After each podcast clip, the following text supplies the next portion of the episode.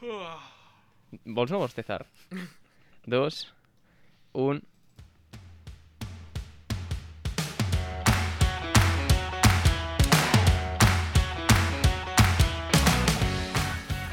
Això és Matchday. Som-hi amb els titulars més destacats aquest cap de setmana.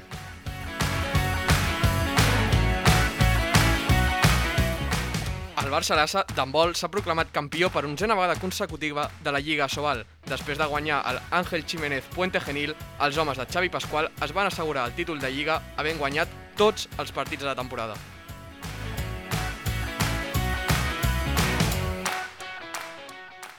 El Paris Saint-Germain femení tomba l'Olympique Lyonnais i serà el rival del Futbol Club Barcelona a les semifinals de la UEFA Women's Champions League.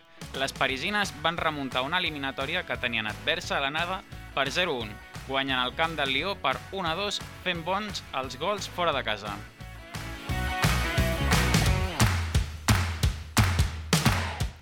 I anem amb el lío del cap de setmana. Salten les alarmes a Europa. 12 clubs del futbol europeu, entre ells els tres grans d'Espanya, anuncien la creació de la nova Superliga, una competició que, segons fons, començaria aquest mateix estiu. I dic Europa i no el futbol europeu perquè aquesta decisió ha fet que fins i tot els governants d'alguns països, com per exemple Boris Johnson, reaccionin en contra la mesura considerant-la com a elitista. Uh, què en penseu, nois? Ràpid.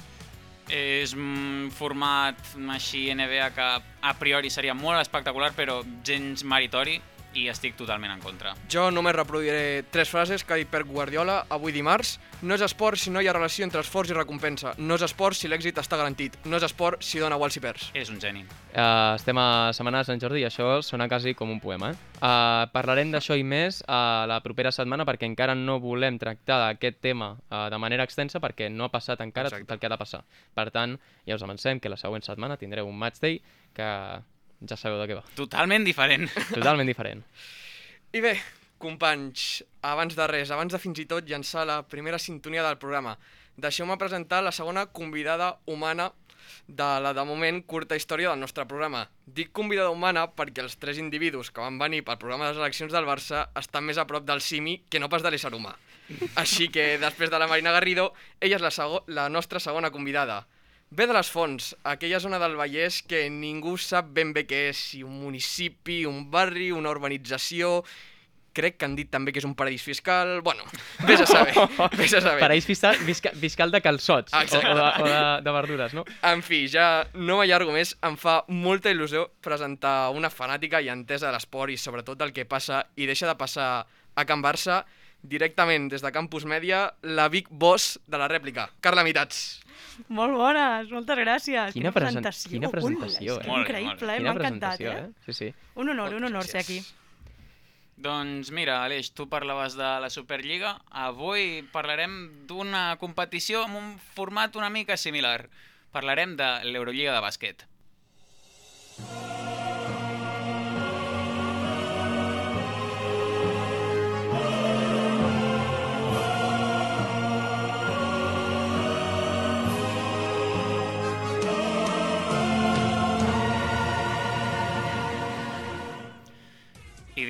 format similar perquè tant l'Eurolliga com la, Super, la Superliga de futbol tindran equips que jugaran per decret.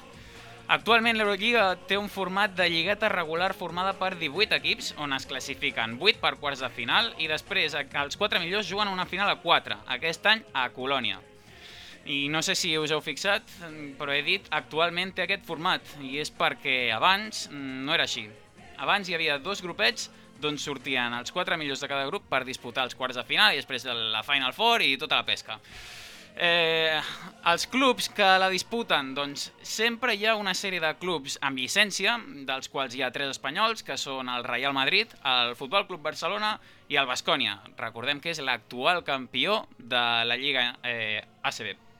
Després hi ha dos grecs, dos turcs, un rus, que és el Xesca, que sempre dona molt per cul, un israelià, un lituà i un italià. Després hi ha eh, clubs convidats eh, que tenen un contracte vigent per molts anys, que són el Bayern de Munic i el Lió.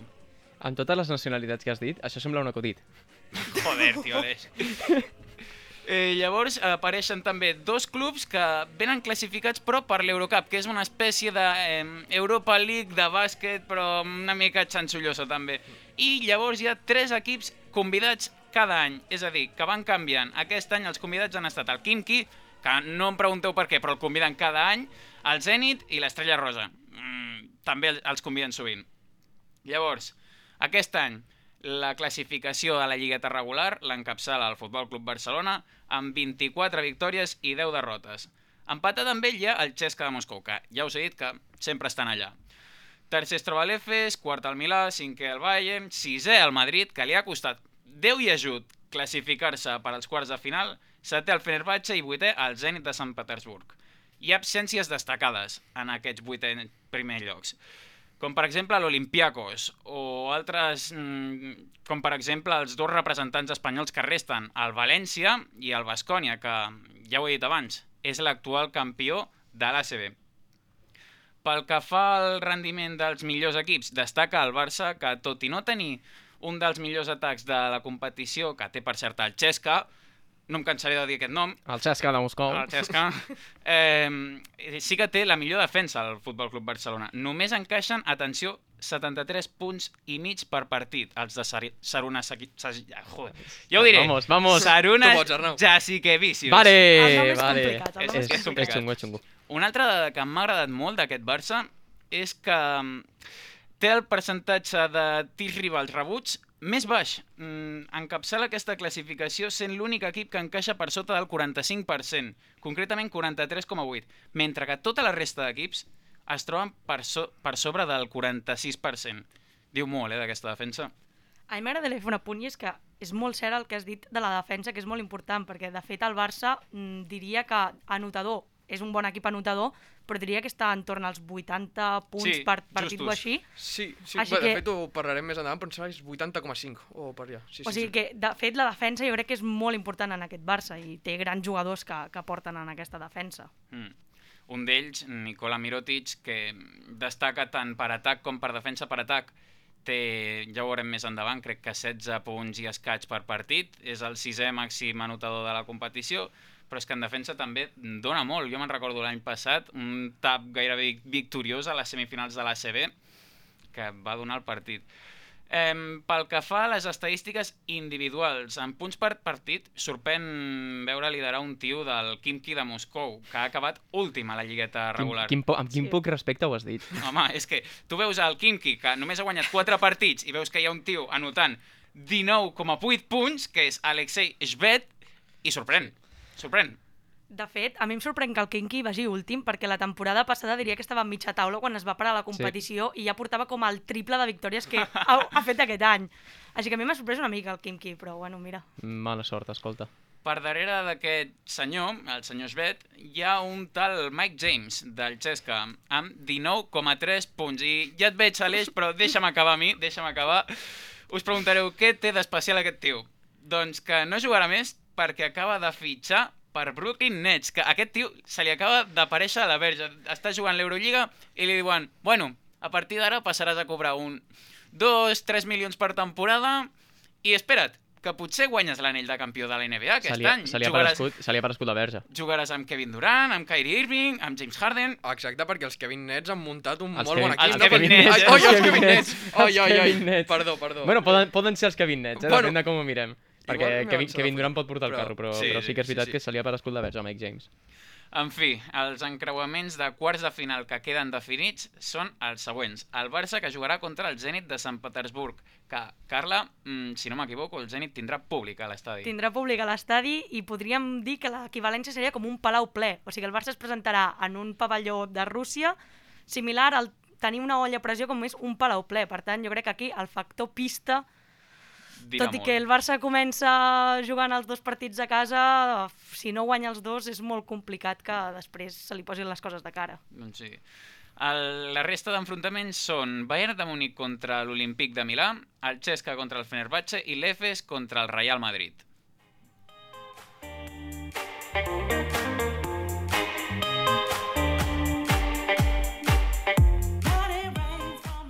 Comencem amb aquest Efes Real Madrid, que has dit tu, Arnau. Analitzarem només uh, dos partits, els dos dels uh, equips espanyols Sí. en aquests quarts de final. Comencem, per tant, amb uh, el Madrid uh, en el Dolu Efes. Uh, I començo amb la meva superllibreta, que m'encanta portar. He de dir avui que la carta també em porta, em sento acompanyat, Sí, jo vinc super preparada, perquè després eh? venen dos amb ordinadors, que... I, I jo no és que sigui boomer, eh? però és que m'agraden les llibretes. Són tradicionals. 20 d'abril de 2021, ens anem actualitzant, sisplau. Cavernícola. Doncs, doncs això, uh, comencem amb, en aquest cas, els antecedents de l'eliminatòria.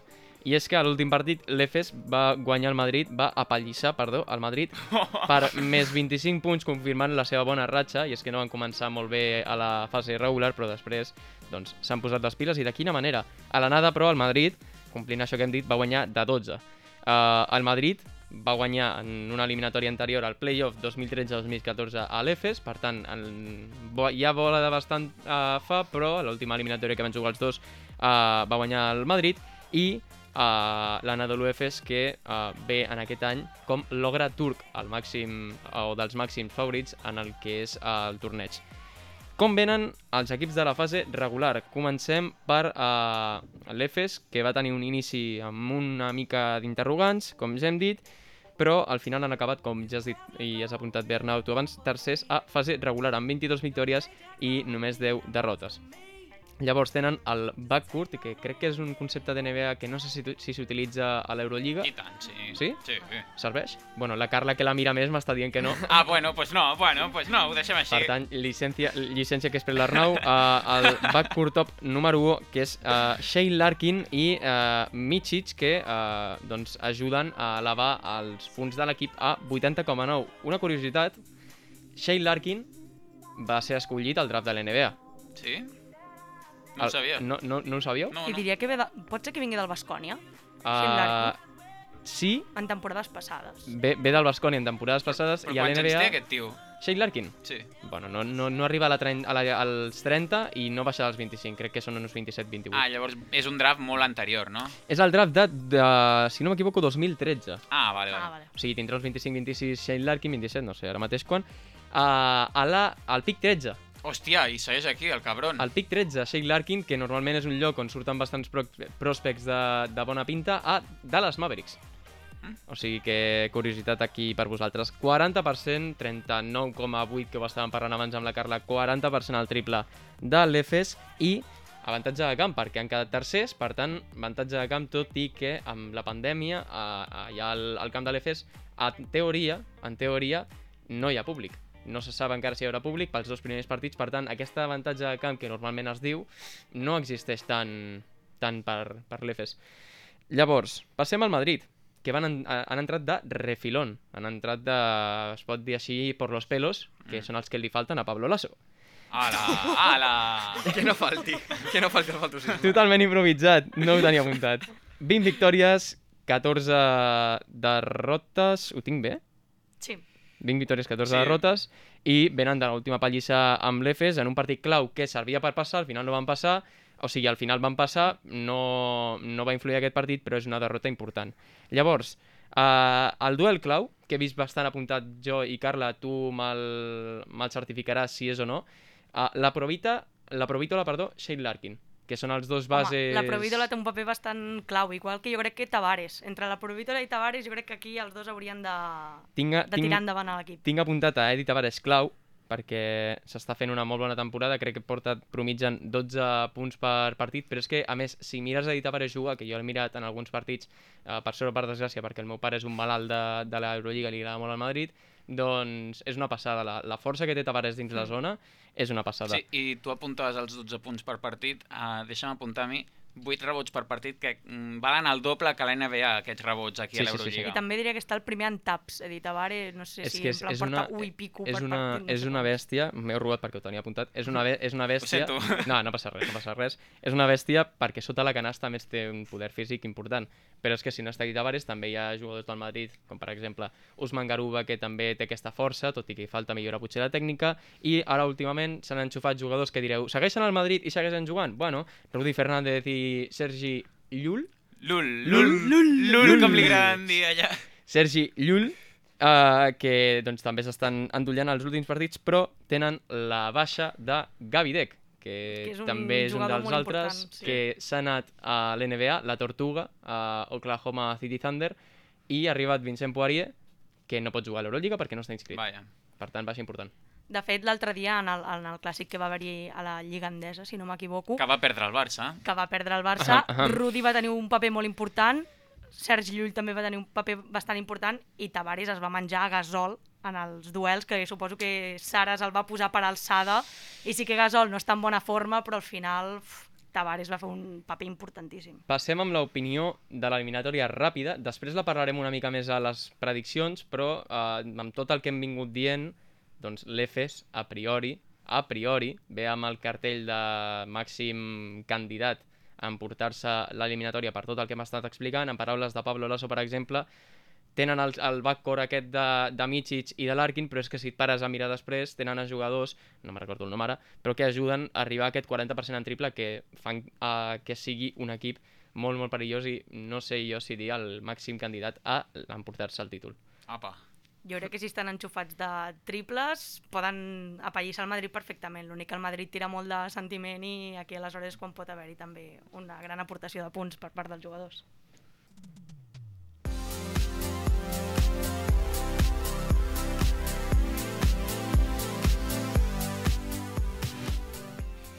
I per acabar les eliminatòries, com no, el Barcelona, que tant ens agrada, alguns més que altres, oi Aleix? Oi, Arnau? Visca el Barcelona sempre. Sempre. Bé, el Barça va acabar, ja ho hem avançat abans, va acabar primer en la classificació de la temporada regular de l'Eurolliga amb 24 partits guanyats i 10 perduts. Per tant, el seu emparellament pels quarts de final és el Zenit de Sant Petersburg, el vuitè classificat amb 20 victòries i 14 derrotes. En les dues vegades que s'han enfrontat entre si, les victòries han estat repartides coincidint amb el conjunt local. És a dir, victòria pel Barça al Palau i victòria pel Zenit al Cibur Arena. Anem per parts. A destacar el bon paper que ha fet el Barça en competició europea aquesta temporada, ja que és una que no podem dir en futbol, almenys en bàsquet, sentim-nos orgullosos. I és que, com he avançat abans, el Barça ha quedat primer.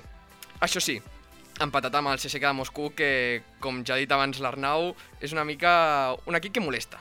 Però benvingut sí, eh? Ja tocava que el Barça dominés una mica Europa perquè feia quan que no, no veiem aquest nivell a Europa Bueno, del la Barça temporada bàsquet. passada ja va haver-hi un increment de bon joc i bon Bueno, paper no bastant compta, la, important. no compta la temporada passada perquè no es va consolidar Clar, És veritat. i llavors uf, portàvem un temps que...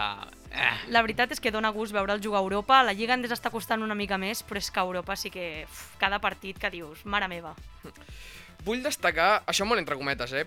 però la poca, ja dic, molt entre cometes, capacitat anotadora a l'equip de Jessica Avisos, perquè per haver quedat en primera posició no són dels equips més anotadors, i és que té una mitjana de 8,65 punts per partit, i és, són els 600 equips. Vuit- 80. 80, què he dit? 80. Què he dit? 8,65. Has dit, has dit 8, Mare has dit 8 que això, això jo crec que ho fa el mini, el mini vermell Crec- del Sant Andreu a, a, a Sant Andreu Sí. B, o sigui, ojo. Exacte. I el mateix doncs s'ha reproduït a títol individual i és que en la llista de màxims anotajo- anotadors el primer jugador del Barça en aparèixer és Nikola Mirotic en la onzena posició amb un promig de 16,9 punts per partit.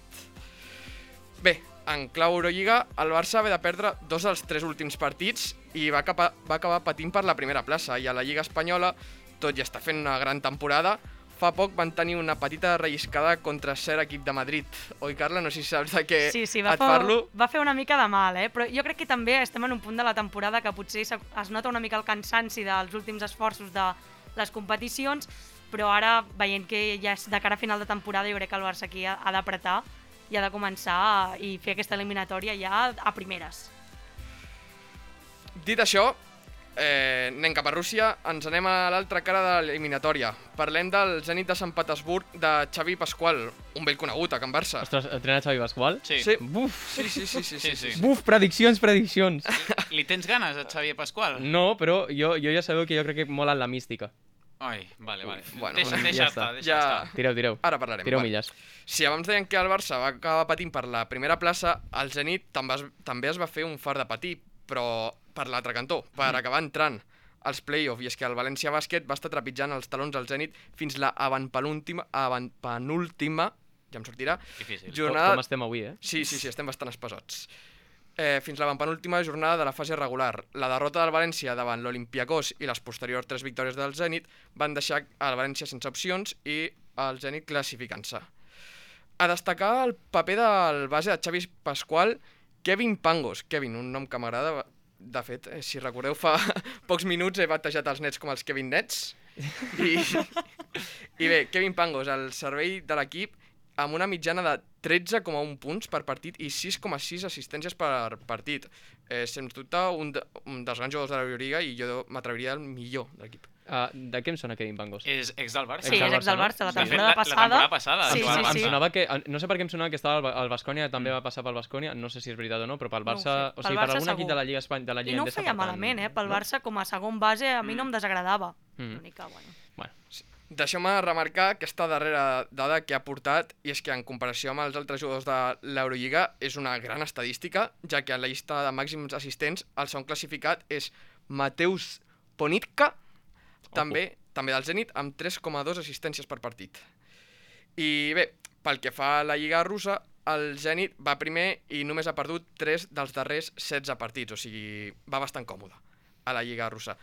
Amb la darrera victòria a la competició domèstica, els jugadors de Xavi Pasqual ja es van assegurar matemàticament la primera plaça de Lliga i hauran de disputar juntament amb altres set equips el títol en els play-off.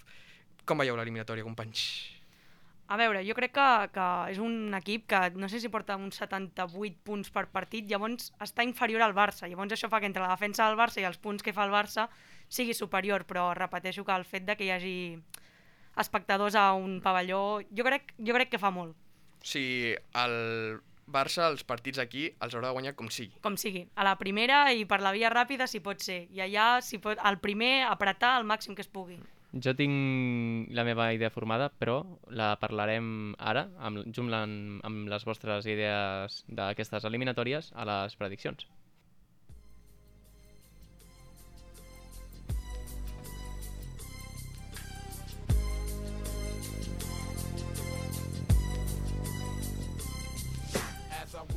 Doncs sí, gràcies Aleix.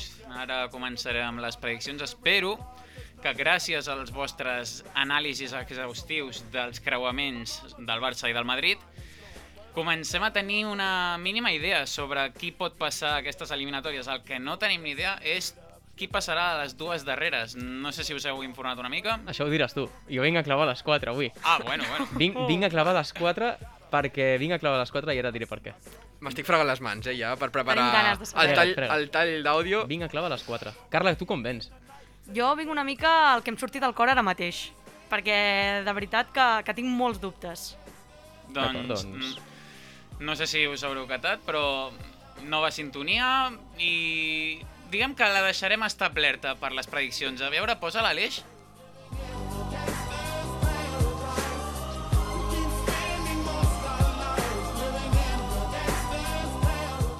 Motiva a mullar-se així, no? Motiva. Motiva a mullar-se uh, així i motiva que falleu així, perquè avui palmareu. Doncs vinga, comencem amb el Xesca Fenerbahce. Amb el Xesca Fenerbahce. Qui es mulla primer? Va, nanos. Mira, Va, jo mateix. Xavi? Jo em vaig amb el Xesca.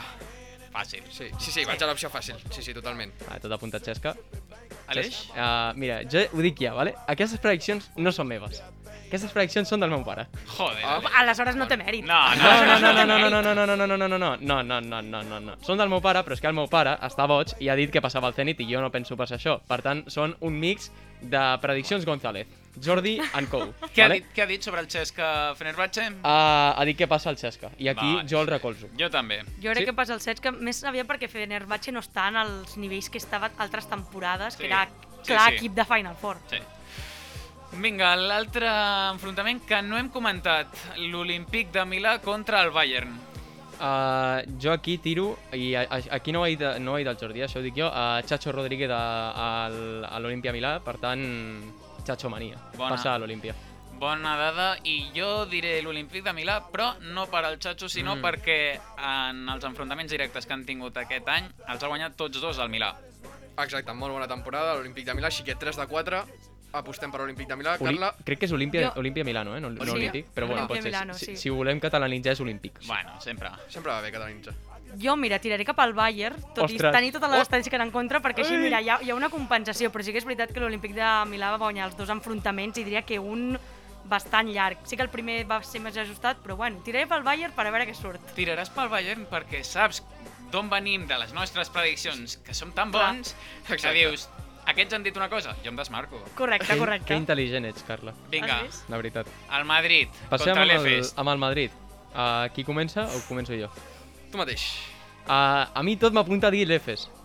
Però si algú he après del Madrid, ja fora del que m'ha dit el meu pare, que és el mateix que diré ara mateix, uh, és que mai se l'ha de donar per mort. Per tant, tot i que l'Efes per mi sigui el màxim candidat a guanyar l'Eurolliga, per l'equip que tenen, jo aposto pel Madrid. Xavier? Eh, jo diré l'Efes. Jo al Madrid l'enterro, m'és igual. Eh, jo aposto no, no, per eh? l'Efes. Bon equip, candidat a guanyar Eurolliga i jo dic que passa. Jo també dic l'Efes. Jo, tot i que em faci mal, dic el Madrid, perquè és el que diu l'Aleix. A la Lliga Endesa afluixarà una mica, jo crec, perdrà potser alguns partits i els sacrificarà i anirà a totes per l'Eurolliga. Sempre estem igual amb Sí, és aquests que sempre, pesats, eh, sempre, sempre. és igual l'esport. Sempre la mateixa No, història. mandra. Vinga, va, l'última. Barça-Zenit. Una, dos, tres. Barcelona! Barça. Barça. Club Barcelona. Va, va, ja ha vingut aquí el Notes de Futbol Club Barcelona. Doncs vinga, ja ens hem mullat. Avui ens despedim aquí. Primer de tot, agrair-li moltíssim a la Carla per haver vingut amb nosaltres. A, vosast, a vosaltres, home, ha estat un plaer venir aquí a Match Day.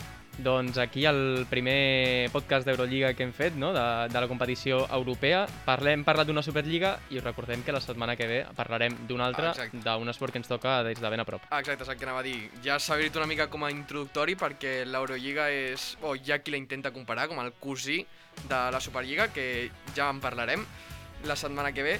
I bé, fins aquí el mateix hi ha hagut. Una salutació també a Raül de UAB Campus Media, que ens estava preguntant des de la finestra si sabíem que estàvem fent aquí un mix de, de Match Day i la rèplica, però bé, ens veiem la setmana que ve amb un Match Day totalment diferent.